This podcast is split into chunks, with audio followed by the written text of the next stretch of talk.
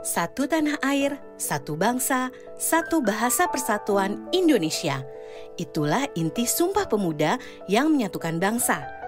Tapi tahukah teman-teman, ada sejumlah fakta seputar Sumpah Pemuda yang menarik untuk kita ketahui. Ayo kita cari tahu sama-sama. Sumpah Pemuda lahir pada Kongres Pemuda II yang diselenggarakan pada tanggal 27 sampai 28 Oktober 1928 di Jakarta para pemuda yang mengikrarkan Sumpah Pemuda berasal dari latar belakang suku, ras, dan agama yang berbeda.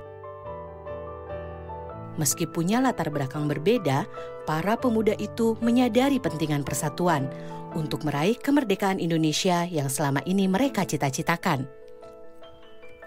Sejak awal abad ke-20, organisasi perjuangan kemerdekaan umumnya masih bersifat kedaerahan dan berjalan sendiri-sendiri. Setelah Sumpah Pemuda diikrarkan, semangat kedaerahan itu pun melebur menjadi satu kekuatan.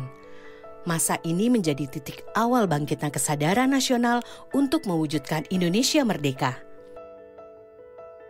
Pidato Muhammad Yamin dalam Kongres Pemuda II menyatakan bahwa persatuan harus dibangun atas persamaan bahasa yang tunggal.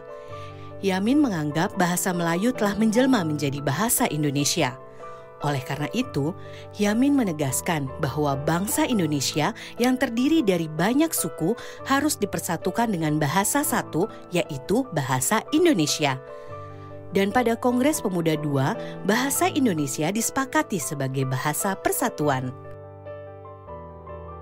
Di tengah pidato Sunario yang sedang berlangsung, Muhammad Yamin mendekati Ketua Kongres Sugondo Joyo Puspito Yamin kemudian memberikan secari kertas sambil berbisik, "Saya punya rumusan resolusi yang lebih elok." Sugondo kemudian membaca rumusan tersebut dan tersenyum kepada Yamin. Para peserta kongres pun menyetujui rumusan itu dan tercetuslah naskah Sumpah Pemuda yang menjiwai semangat perjuangan bangsa. Sumpah Pemuda diikrarkan di Gedung Indonesia Club Gebau di Jalan Kramat Raya 106. Tempat pembacaan Sumpah Pemuda itu sebenarnya rumah kos pelajar sekolah Dr. Pribumi. Di rumah itu, para pelajar sering berdiskusi tentang masalah sosial politik dan pergerakan nasional, hingga akhirnya mencetuskan ide pelaksanaan Kongres Pemuda 1 dan 2. Kini rumah itu dijadikan Museum Sumpah Pemuda. Apakah teman-teman sudah pernah mengunjunginya?